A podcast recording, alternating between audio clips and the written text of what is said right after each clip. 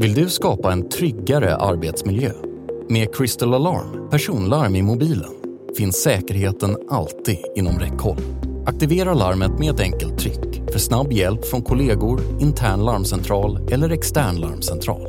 Crystal Alarm erbjuder skräddarsydda lösningar för företag med riskfyllda arbetsmoment.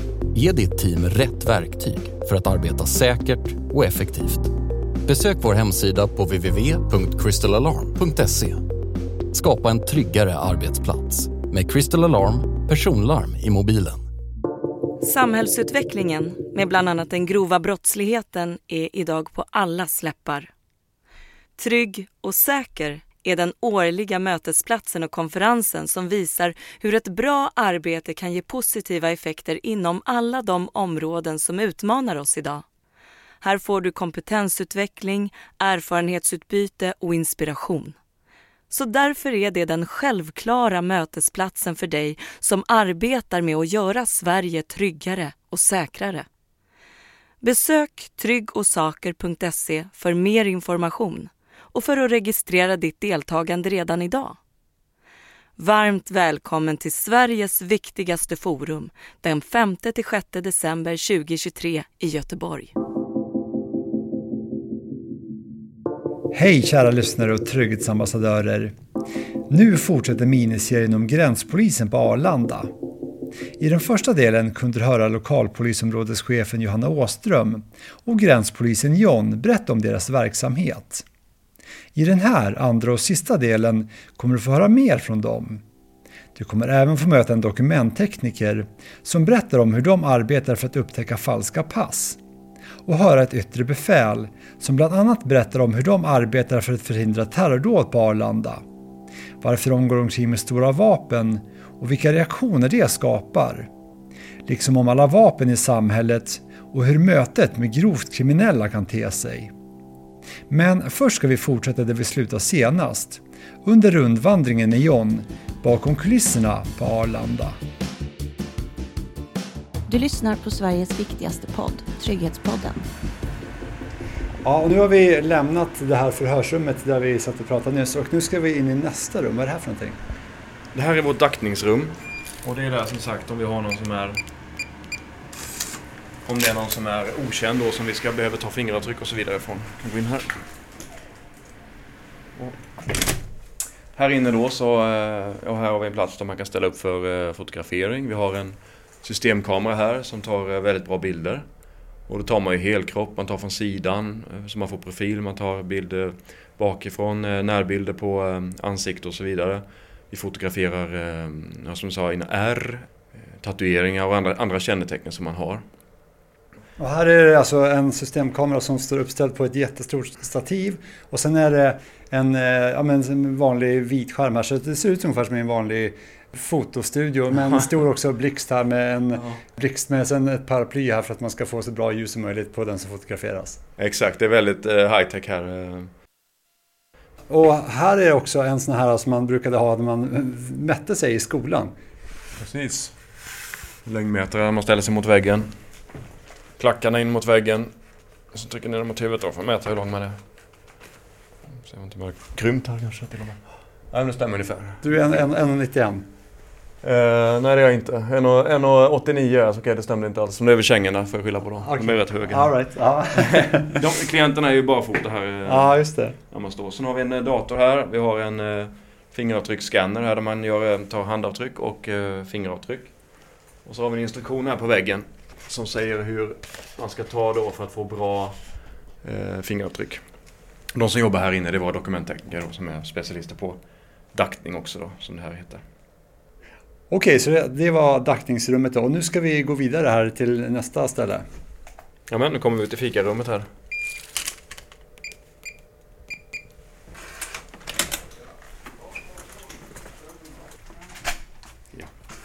Ja. här är fikarummet för poliserna. Ja, precis. Här sitter kollegorna och eh, ja, äter lunch och så vidare. Som vilket eh, fikarum som helst på vilket kontor som helst. Väldigt, väldigt fräscht är det. Och väldigt trevligt folk som sitter också kan jag säga.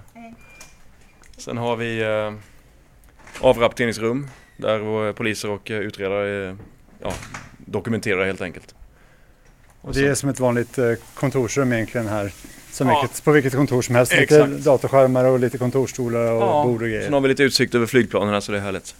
Ja, det skiljer sig från de flesta kontor. Det, det är ett antal flygplan som man Men ser ibland- ut här på plattan. Ja, ibland när man sitter och skriver eh, långa utredningar så kan man blicka ut över hur man blir ressugen och så vidare. Får man lite internationell känsla. Exakt. Och eh, här på väggen i fikarummet så har ni en tv-skärm där man kan se flighten också.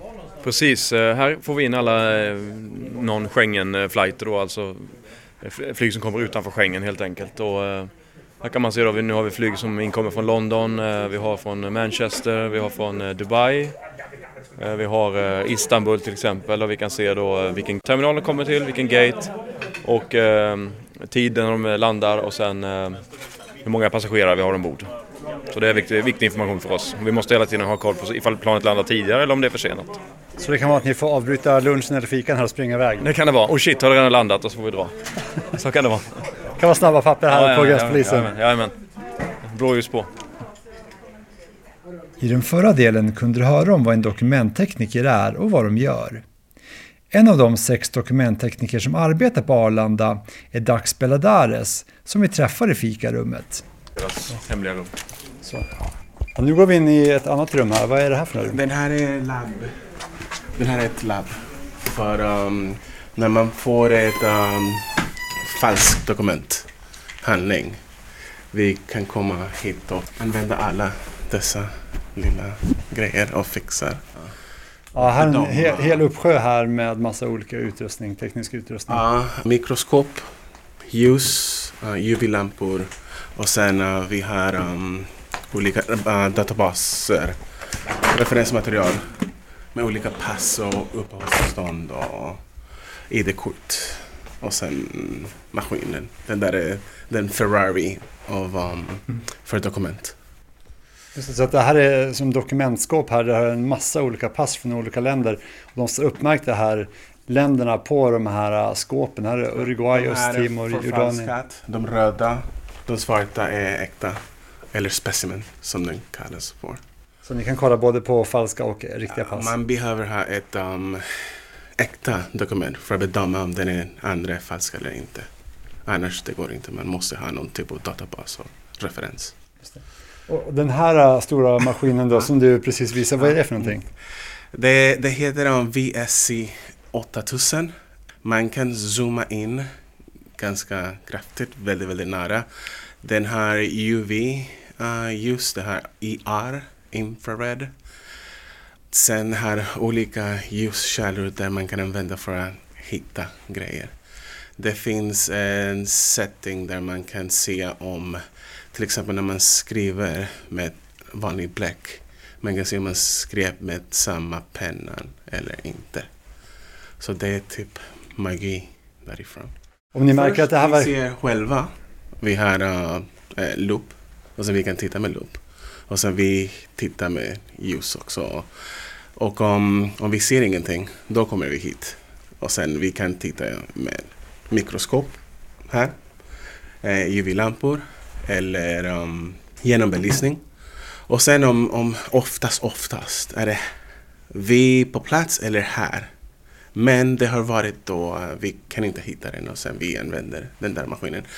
Men också när vi, um, när vi skriver ett utlåtande, eller något det kallas för rapport. Vi måste ha bevis. Så den här tar bilder och vi kan visa eh, förfalskningen genom att ta bilder därifrån. Jag tackar Dax för förevisningen och sen fortsätter John och jag vår rundvandring på flygplatsen. Först ut i passagerardelen. Precis, just nu är vi eh, nere på eh, där vi har Schengen-flighter. Vi ser här, vi har en flight som går till Billund, Danmark. Här och nu ska vi åka upp en våning och där har vi tredjelandsflighter som kommer där. Och det är då innanför gränskontrollen. Här på terminal 5, FP det. Då tar vi hissen upp.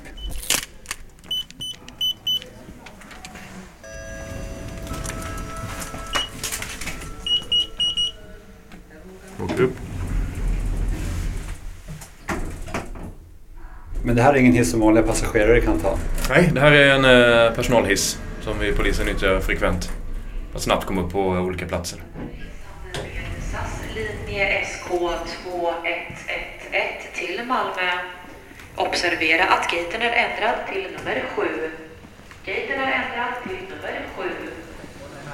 Ja, nu går vi här genom eh, terminalbyggnaden och passerar precis en gate som ska till Dubai och där står hela personalen från Emirates och en massa folk här som ska med det här planet och eh, sitter och väntar som man så ofta gör själv när man ska ut och resa. Väntar på att planet ska gå. Eh, vart är vi på väg nu någonstans? Nu är vi på väg bort mot eh, själva gränskontrollen. Eh, här på eh, F-piren. Ligger längre ner i korridoren här. Och här byggs det också. Ja, det är byggt. Det är ständigt ombyggnationer här på flygplatsen.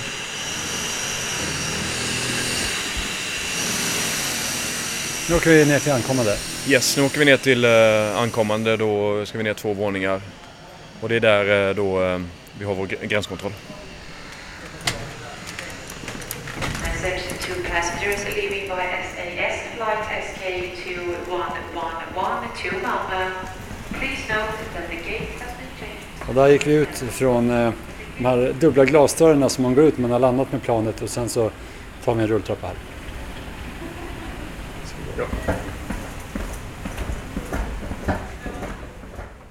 Ja, nu har vi kommit fram här till eh, kontrollen när man kollar passen. Precis, nu är vi nog nere vid eh, den här gränsövergången här på F-piren.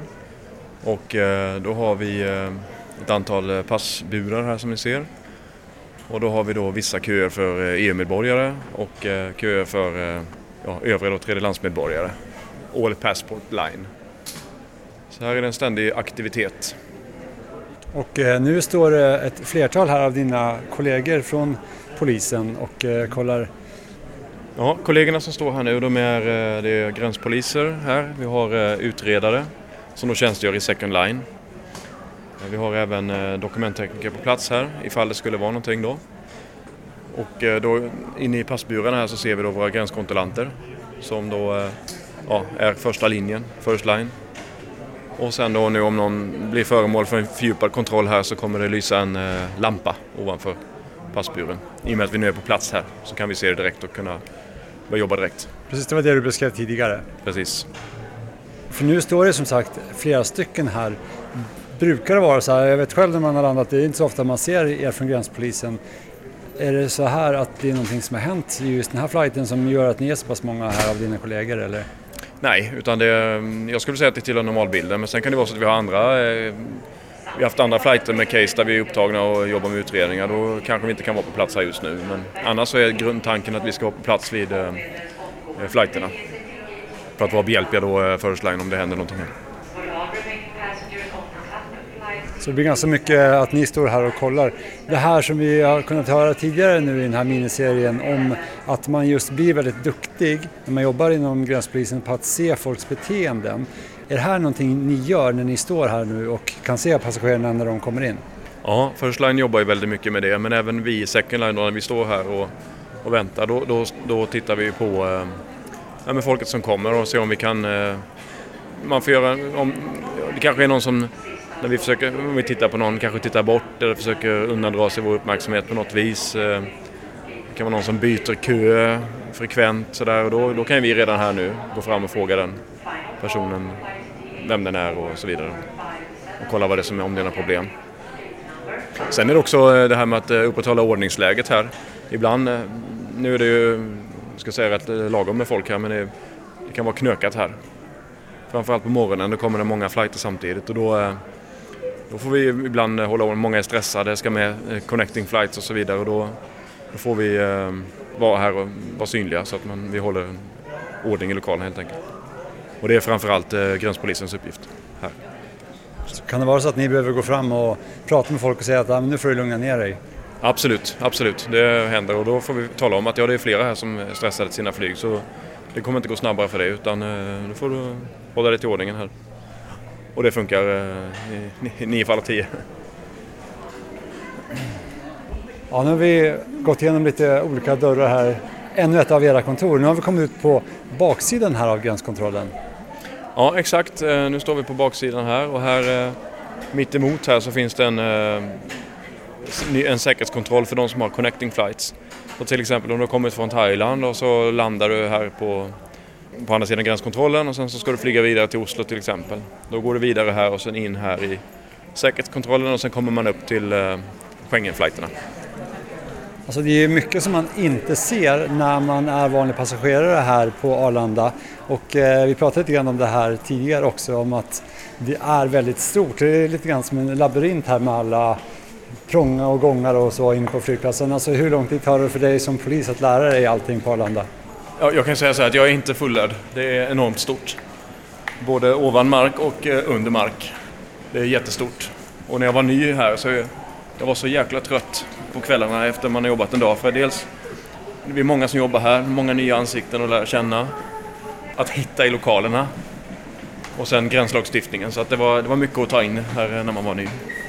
Så att det finns mycket att lära. Och har man tråkigt då kan man eh, gå någon orienteringsövning och försöka hitta eh, smygdörrar och annat. Vi kommer in på de flesta ställen. Så det, det är kul.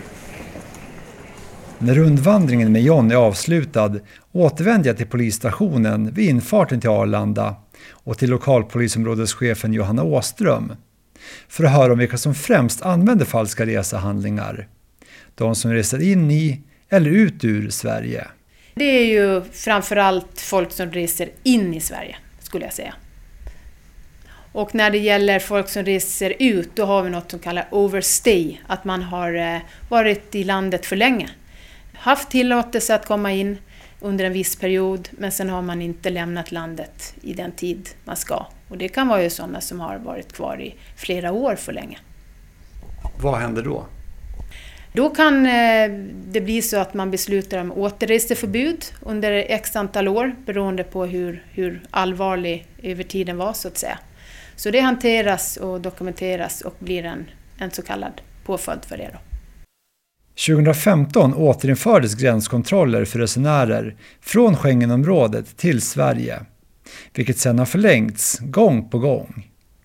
Det här gjordes för att få bättre koll på vilka som faktiskt tog sig in i Sverige och stoppa de som inte har rätt att komma hit. Hur har då det här påverkat gränspolisen på Arlanda? Ja, men det har ju gett oss en större möjlighet att utnyttja fler verktyg. Vi ser ju att det finns eh, människor som har lyckats ta sig in i Schengen på falska grunder, falska pass och så vidare.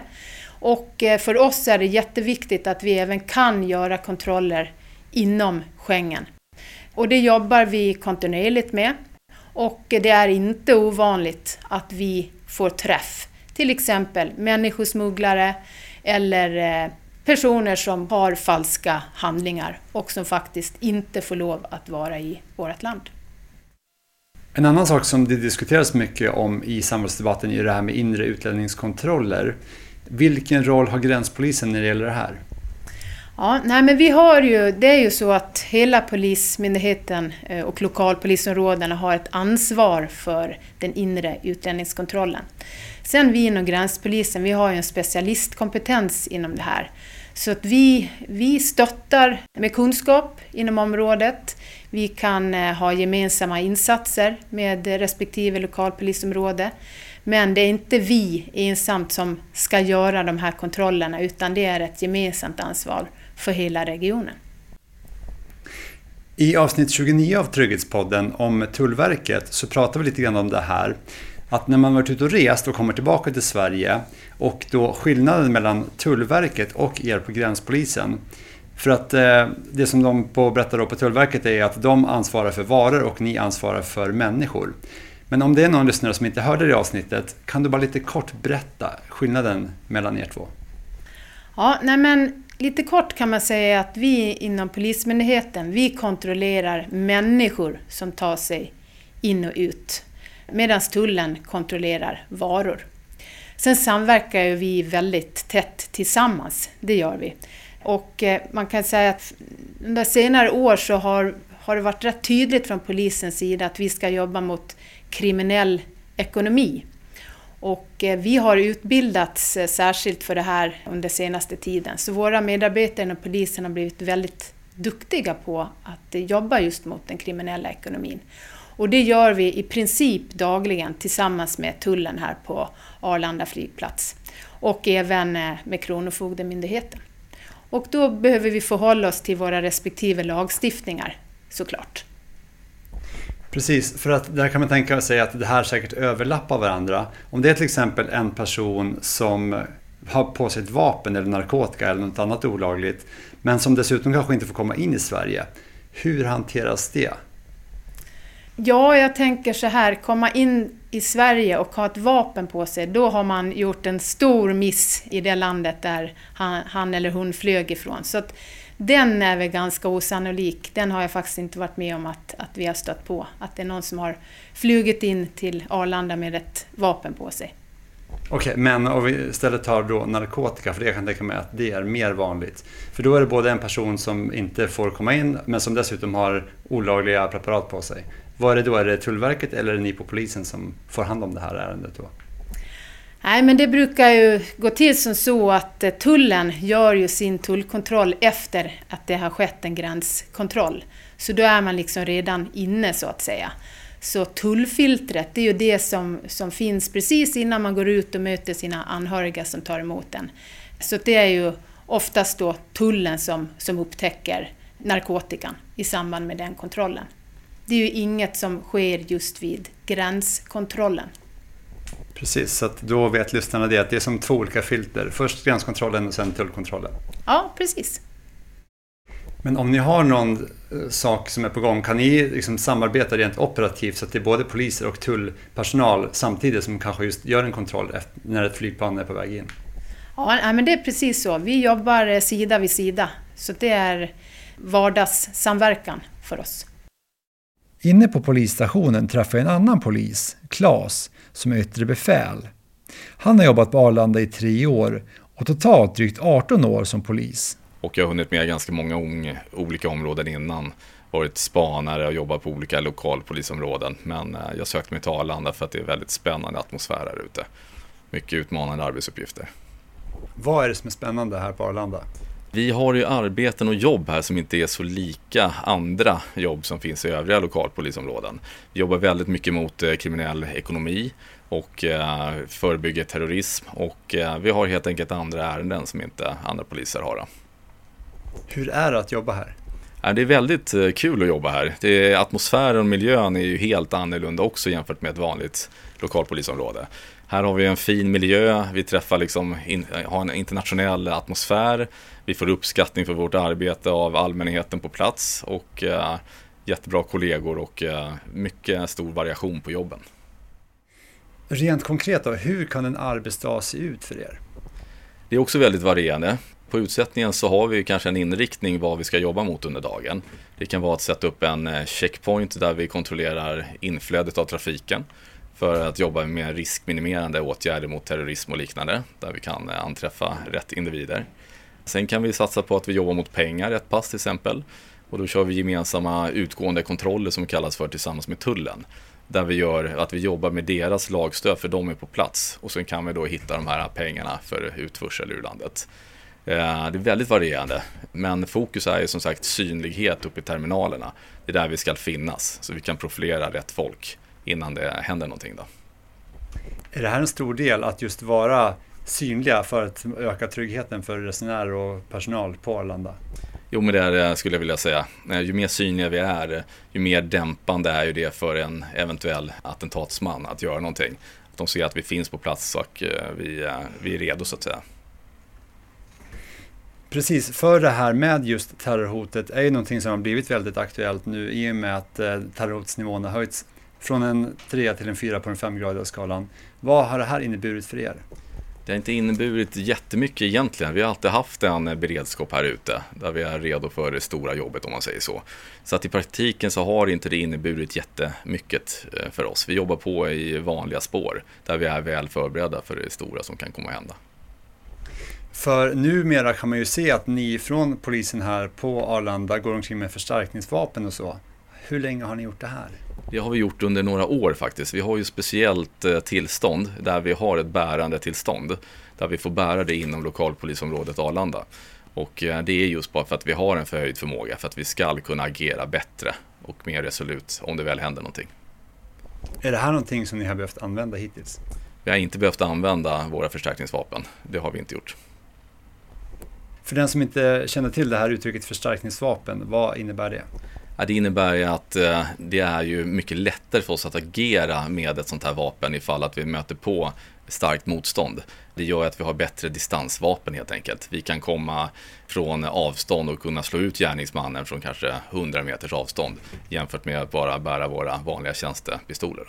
Och eh, vad är, rent konkret, vad är ett förstärkningsvapen för den som inte är så insatt i vapen? Det är ju som eh, mer åt ett gevär så att säga. Det är ju en, en kraftigare, ett kraftigare vapen helt enkelt då, som gör att vi har bättre precision. Så att det är ett ganska stort vapen och det är en MP5 som vi går och bär om dagarna. På stora internationella flygplatser som Charles de Gaulle i Paris till exempel så har det ju länge funnits militärer som patrullerar med automatvapen. Och det här var någonting som jag själv reagerade på när jag såg det här första gången. Det här var innan det var några av er poliser som gick omkring på Arlanda med förstärkningsvapen. Men vad får ni för reaktioner från resenärerna? För att det här är ganska iögonfallande att man går in med stora vapen så. Det blir väldigt eh, blandade reaktioner och väldigt starka reaktioner skulle jag vilja säga när vi patrullerar ute i terminalerna så ser man ju att alla blickar vänds mot oss även fast man sitter långt bort och äter sin snitsel och dricker sin öl. Det är blandade reaktioner. Vissa undrar, har det hänt någonting? Vissa är jättetacksamma och kommer berömma oss för vårt jobb, att vi är på plats, att de känner sig trygga. Vissa blir även otrygga när de ser oss bära, för de tror att det är någonting som håller på att hända. Och då får vi lugnt förklara dem att så här har det alltid sett ut på Arlanda och det här gör vi för erans skull, att, eh, för vi ska kunna agera på ett bättre sätt om det skulle hända någonting. Precis, för som du sa, att ni finns på plats är ju en del i det trygghetsskapande arbetet. Och då om det är någon som inte har möjlighet att prata med er men bara ser att ni går förbi, som kanske till exempel sitter och äter och ni går omkring med de här stora förstärkningsvapnen. Vad kan ni göra just för att vara då i det här trygghetsskapande arbetet så att inte folk känner sig otrygga? Vi har märkt det att bara en sån enkel detalj som att vi ler och ser glada ut påverkar jättemycket. Står vi och ser lite mer allvarliga ut så kan det faktiskt skrämma individer mer. Vi hade faktiskt en sån händelse där några barn då hade sett att vi såg allvarsamma ut när vi kontrollerade en person med våra förstärkningsvapen. Som vi sen hade fått den här informationen om att barnen hade blivit jätterädda. Så att eh, vi måste anstränga oss där att vi försöker se så öppna ut som möjligt eh, och kunna vara eh, kommunikativa med medborgarna och allmänheten på plats här ute. Vi har ju alltså i Trygghetspodden i flera avsnitt tagit upp det här med terrorism i till exempel serien Terrorhotet mot Sverige. Rent konkret, har den här höjningen av terrorhotsnivån inneburit någon förändring i ert arbete? Nej, det skulle jag inte vilja säga att det gör, för att eh, det ligger alltid en ständig hotbild över en flygplats. Eh, och därför har vi alltid haft den här beredskapen. Så att just den här skillnaden att gå från en 3 till 4 innebär inget specifikt för oss, så att säga. Varför ligger det alltid en eh, hotnivå mot en flygplats? Det är min egen gissning så att säga, men oftast är det ju så att eh, en flygplats är en väldigt medial sak om man som gärningsman vill agera. Man får ett väldigt stort medialt intresse av att man skadar eh, resenärer ute på en flygplats. Oftast är det större folksamlingar som gör att man vill komma åt. Och eh, allmänt så är ju en flygplats ett, en hubb så att säga som man vill attackera för att göra stor skada. Precis, och i den serien så pratar vi också om det här med att terroristernas mål är att skapa rädsla och otrygghet i samhället. Och det har ju varit till exempel ett stort terrordåd i Bryssel på den flygplatsen där. Och under många år så har det också varit olika former av flygplanskapningar och även terrordåd, inte minst 11 september. Vad är det då man som, om man ser det ur terroristernas synvinkel, vad är det de vill liksom uppnå som ni ska försöka förhindra? Eh, vad är de uppnår som vi vill förhindra? Eh, delvis så vill vi som sagt möta dem tidigt innan de når eh, flygplatsen och större folksamlingar. Det är vårt primära mål. Så att vi kan profilera ut dem. Och även om de skulle vara här och reka till exempel om dagarna så ser de att vi är stor synlighet här. Vi har bra lokalkännedom. Vi visar att vi är starka här ute. Och det är dämpande i sig därför att de ska vilja göra, ta steget vidare att göra ett eventuellt attentat. För det finns ju också andra inom polisen som arbetar, till exempel piketstyrkorna och så vidare. Så hur är ert samarbete med andra polisenheter? Vi övar ju väldigt mycket inom vår förhöjda förmåga tillsammans med eh, nationella insatsstyrkan, piketen bland annat. Där vi skickar personal ofta på sådana utbildningar. Och det är ju de som kommer komma som tillskjutande enheter när det händer någonting stort där. Så att därför har vi övning tillsammans för dem så det ska bli så realistiskt som möjligt. Då. Hur ofta övar ni tillsammans?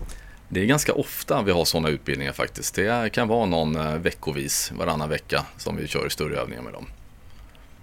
Har du varit med om något konkret fall där det har förekommit planering av ett terrordåd eller liknande på Arlanda? Och vad var det i så fall som hände då? Jag minns ett ärende jag hade här ute på Arlanda. Det var att vi hade ja, träffat på en person som vi har profilerat ut i eh, terminalen. Sen gör vi våra adekvata kontroller, vilket innebär att vi kanske går igenom väskan eh, enligt skyddslagen och så vidare. Och där har vi då hittat massa spännande detaljer som tyder på våldsbejakande extremism. Och eh, sen bygger vi ihop de här pusselbitarna och eh, börjar backspåra och då får vi liksom en annan person som kommer till oss och berättar väldigt viktig och värdefull information om att den här personen har varit inne hos dem, väldigt nervös, han har burit på någon väldigt tung väska och helt plötsligt så kommer några uppgifter fram att den här väskan saknas. Och det är väldigt konstigt om man har en tung väska så kommer man ut och resa så har man helt plötsligt lagt den på okänd plats på flygplatsen. I samband med att den här personen då förekommer för terrorism och eh, sådana noteringar gör att vi måste ta ett snabbt beslut på plats. Och eh, för att skydda då allmänheten så måste vi eh, ta ganska viktiga beslut om att stänga av vissa delar av flygplatsen och påbörja sök efter det här okända föremålet som då finns på en hel flygplats. Vilket gör det väldigt svårt att söka igenom efter någonting som inte vet var det finns någonstans. Men den här gången gick det bra. Vi gjorde så långtgående åtgärder vi bara kunde och vi fick eh, stor personal till platsen för att hjälpa oss genomföra sök i hela terminalen och spärra av helt enkelt. Men eh, ofta så får inte vi något facit på bordet, så här är det, utan vi får verkligen anstränga oss och jaga vidare efter små detaljer för att kunna förhindra en terrorist som slår till. Så därför är vår utbildning inom profilering väldigt viktig ute på Arlanda. Hittades den här väskan? Nej, det gjorde den inte. Och eh, från er på polisens sida då, vad tänker ni då när inte väskan hittas? Vad gör ni? I det här fallet så var det då RILen, den regionala insatsledaren, som ledde insatsen. Och eh, vi kom fram till ett beslut i slutändan med all fakta vi hade på bordet att den här mannen fick resa vidare. Vi gjorde bedömningen där och då på flygplanet att han inte hade något för farligt föremål med sig, vilket gjorde att han fick resa vidare. Men den här väskan eh, kunde vi inte hitta och eh, det är tyvärr så. Det är rent omöjligt att hitta kanske en sån här väska på en stor flygplats. Men vi gjorde bedömning på den informationen vi hade att det inte förelåg någon vidare fara. Vad tänkte du när du fick höra om det här och insåg att det här skulle kunna vara ett rejält hot?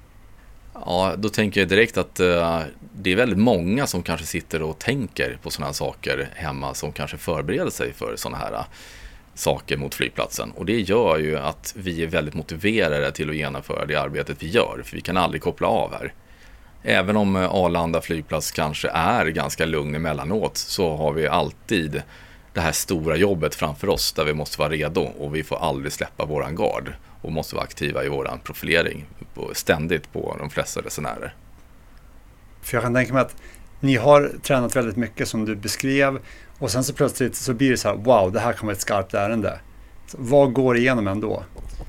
Ja, då är vi helt enkelt förberedda på att det är nu det händer. Och eh, vi jobbar med den mentala förberedelsen dagligen. Vi påminner personalen om att vi hela tiden jobbar upp mental förberedelse så vi inte släpper det när det är liksom lugnt över lång tid. Vi diskuterar jättemånga scenarion på utsättningar, vi jobbar med planspel så att vi kan öva på det sättet också. Så vi har massa olika småövningar i vardagen som vi genomför som arbetsledare just för att upprätthålla vår kompetens och vara så förberedda vi bara kan. Efter det här då, nu hittar inte ni väskan i det här fallet, men vad gör ni sen? Har ni någon form av som debriefing där ni går igenom vad som har hänt? Vad kan vi lära oss av det här och så vidare? Ja, vi har någonting som kallas för after action review där vi går igenom med all personal vad vi gjorde, vad vi kunde gjort bättre och eh, alla får komma med sina idéer och så vidare för att vi ständigt ska kunna utveckla oss på flygplatsen. Gjorde den här händelsen att ni fick några tankar på hur ni skulle kunna förbättra ert arbete? Jag minns inte specifika detaljer men det är väl alltid någonting som kommer fram som gör att vi känner att vi kan förbättra oss ständigt. Utöver då det här med terrorhotet, utifrån den grova brottsligheten och att det uppenbarligen är så många kriminella som har alla möjliga sorters vapen, det ser man inte minst på alla skjutningar och så. Hur påverkar det säkerheten här på Arlanda och ert arbete?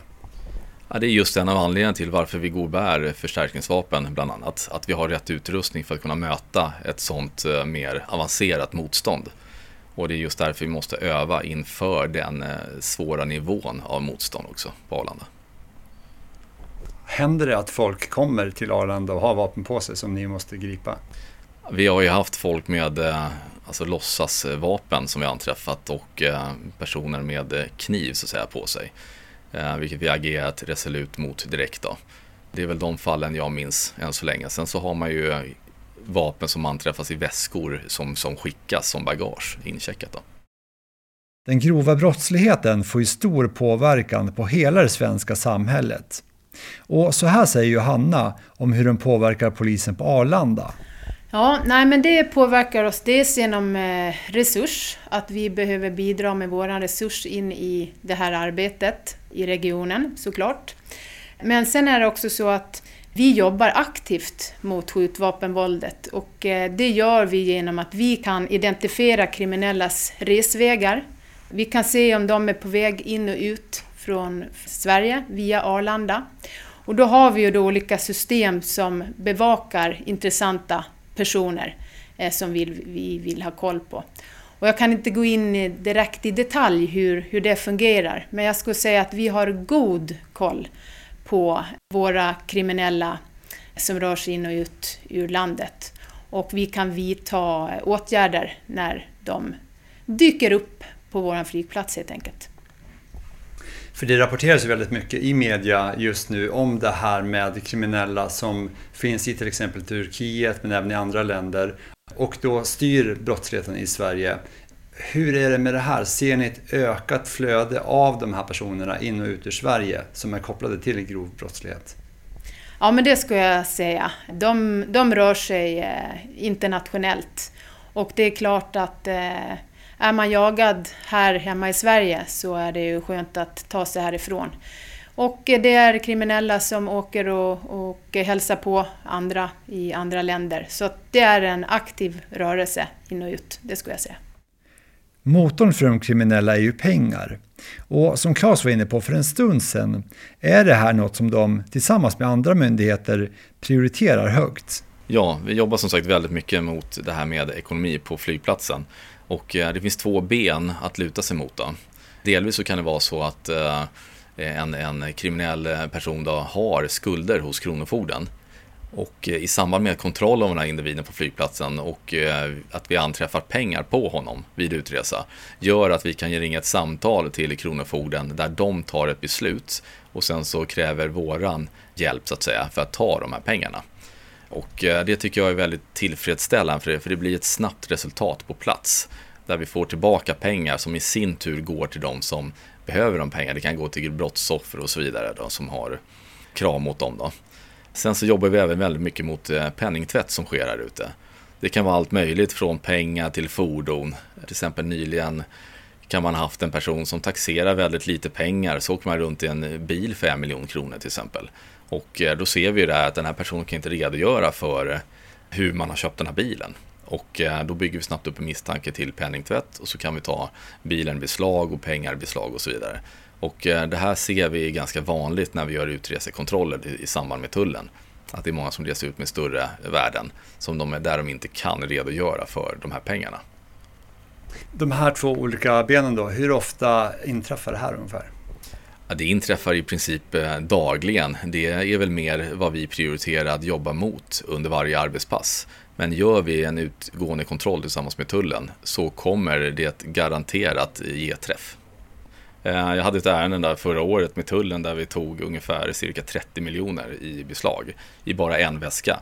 Och det innebär också själva utredningen där att det var ytterligare väldigt många miljoner som har fraktats ut och in. Då. Som polis, vad tänker man då om någon kommer med en väska med 30 miljoner i?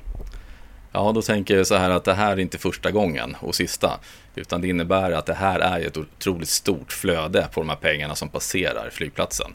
Därför är det extra viktigt att vi finns på plats så vi kan hitta det här och få ett stopp på den här utförseln av pengar. Blir ni som poliser förvånade när det görs sådana här typer av beslag? Det skulle jag inte säga att vi blir. Vi förstår att det här händer.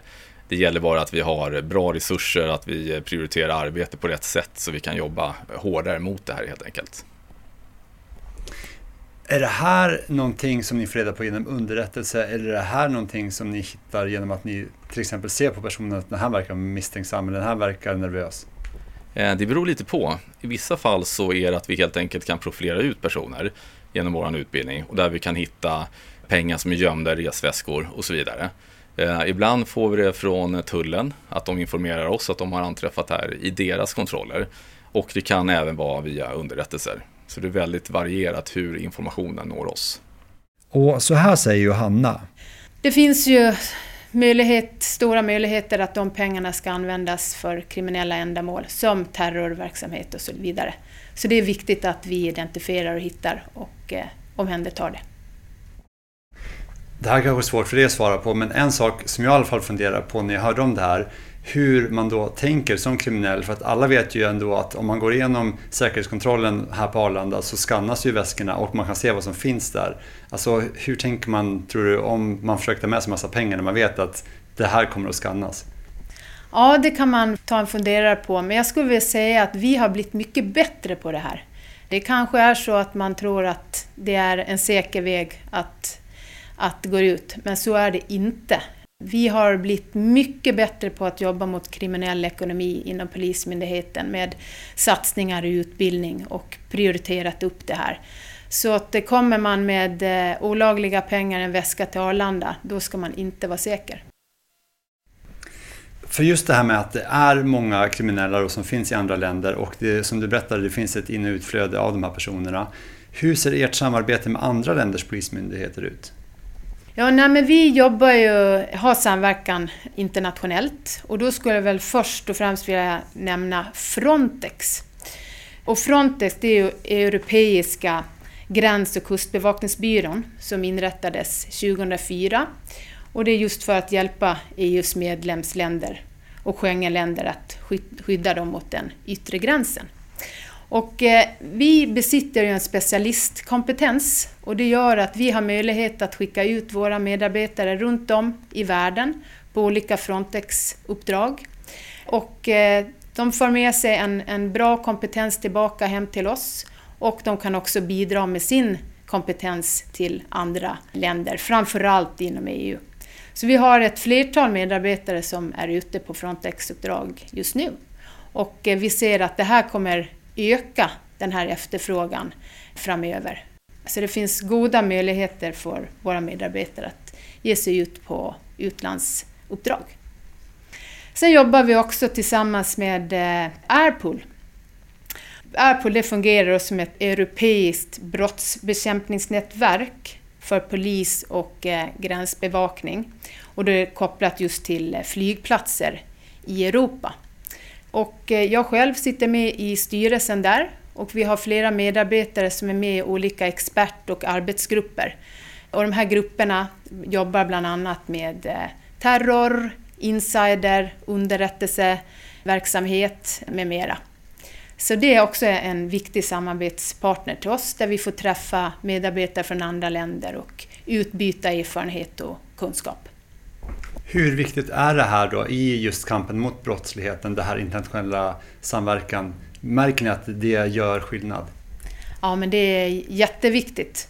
Den kriminella marknaden har tagit större steg och eh, det är inte på, bara på hemmaplan som brotten sker, utan vi måste kunna ha förmåga att eh, samverka med andra länder. Och det gör svensk polis också.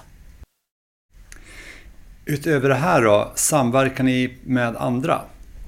Ja, men jag vill gärna nämna våra polisvolontärer som är civila medborgare som eh, ställer upp för en god sak. Och eh, just under pandemin så låg den samverkan nere, men vi har fått igång ett väldigt bra samarbete med dem nu. Och de är ju polisens ögon och öron ute på flygplatsen och eh, hjälper till att skapa trygghet på flygplatsen. Mycket av Arlandapolisens arbete handlar alltså om internationella ärenden. Men det händer också mycket lokalt. Ja, det har varit några ärenden som har stuckit ut lite. Allt från att vi jobbar liksom med normala jobb här ute så kan det vara så att helt plötsligt så blir vi kallade in till en eh, skogsdunge i närheten av flygplatsen. Där några ungdomar har anträffat ett, eh, ett skelett helt enkelt. Eh, vi kommer fram till platsen och tror nästan att det där är ett låtsasskelett som ligger ute i skogen. Men vid närmare kontroll så ser man ju då och kan göra bedömningen att det är faktiskt rester av en människokropp som har legat där i flera års tid. Så jag fick inleda förundersökning på eh, mord på plats där. Vi har ju även haft eh, allvarliga händelser ute på Arlanda som inte just jag varit med om då, men som kollegor fått uppleva. Det har varit knivskärningar nere på perrongen där eh, tarmarna väller ut från kroppen och man får hantera liksom eh, ganska allvarligt våld som inträffar på flygplatsen. Så att eh, det kan hända även här väldigt allvarliga händelser. Och sen har vi även andra stora case där vi får stötta i näromliggande område. Vi har ju Märsta som ligger väldigt nära vårt område. Och eh, där brukar vi landa först på plats när det händer skjutningar och liknande. Och det är en del ärenden i Märsta som sticker ut.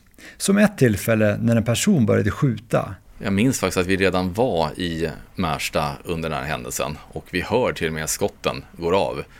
Och eh, vi hinner få ett beslut då, över radion att vi får bära förstärkningsvapnet. För det här gäller ju bara på flygplatsen, inte utanför. Då måste man få ett eh, särskilt beslut. Så vi rustar på snabbt med vår eh, tunga utrustning och eh, springer ner på en gångbana. Där ser vi en eh, skottskadad person. Strax efter oss så har vi andra kollegor från närliggande distrikt som börjar sjukvårda och vi fortsätter ner längs med gångbanan. Vi rör oss taktiskt fram och eh, vi kan se en person springa med en liten ljusreflex eftersom han hade sin telefon igång ute på ett fält. Och i det läget så kan vi då guida helikoptern rätt då, som eh, genomför ett gripande med en vanlig patrull på andra sidan eh, ängen. Då. Och eh, sådana här jobb är väldigt tillfredsställande för oss för att vi landar så snabbt på plats och kan göra skillnad.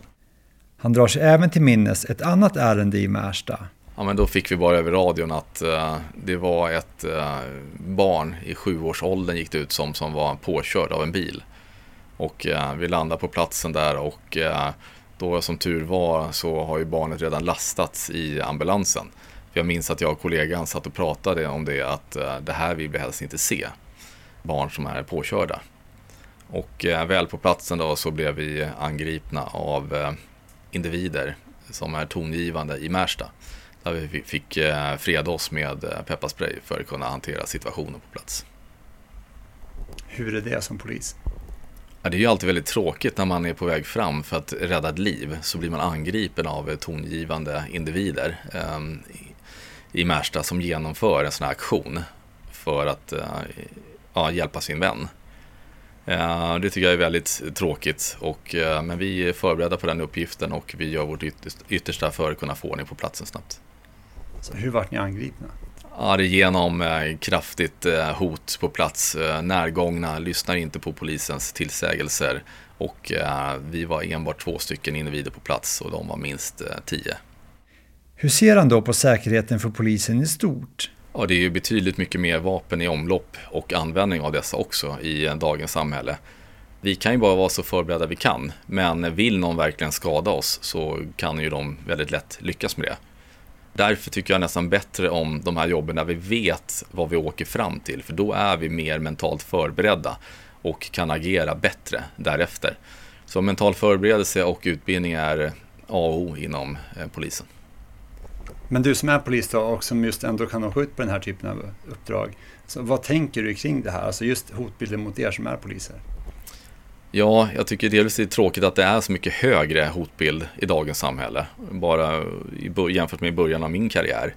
Så det är ju ett hot vi ständigt får leva med. Sen är det så, när man sätter på sig uniformen så är man redo för uppdraget och man tänker inte vidare på det. Men som privatperson så kan man ju ägna mer tankar åt hur farligt faktiskt det här yrket kan vara. Utöver de här sakerna då, med terrorhot och grov brottslighet och så.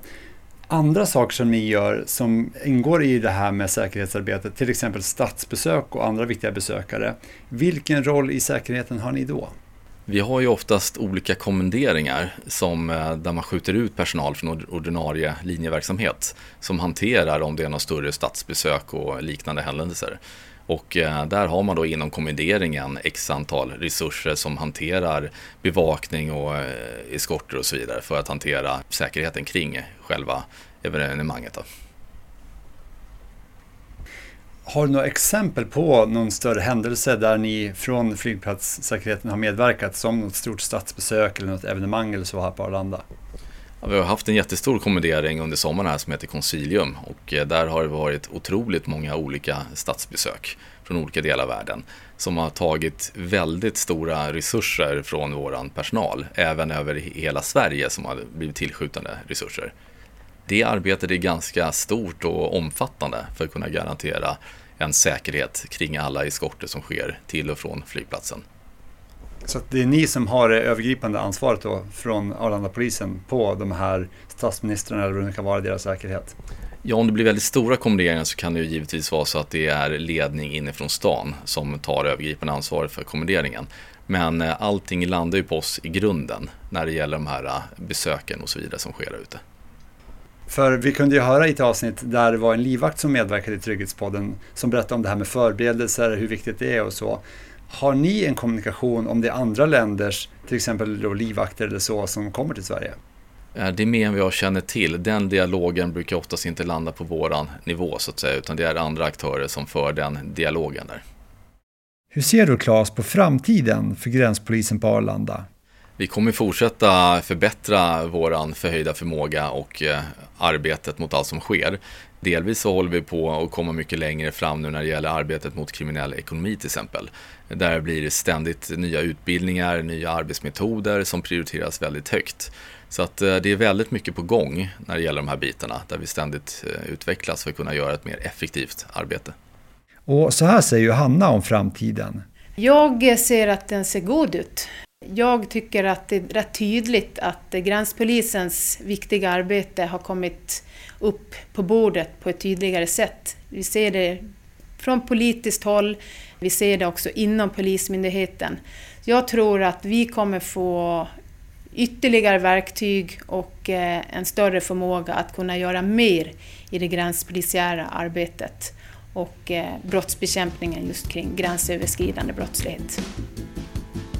Du har hört ett avsnitt av Trygghetspodden. Fler avsnitt finns på trygghetspodden.se.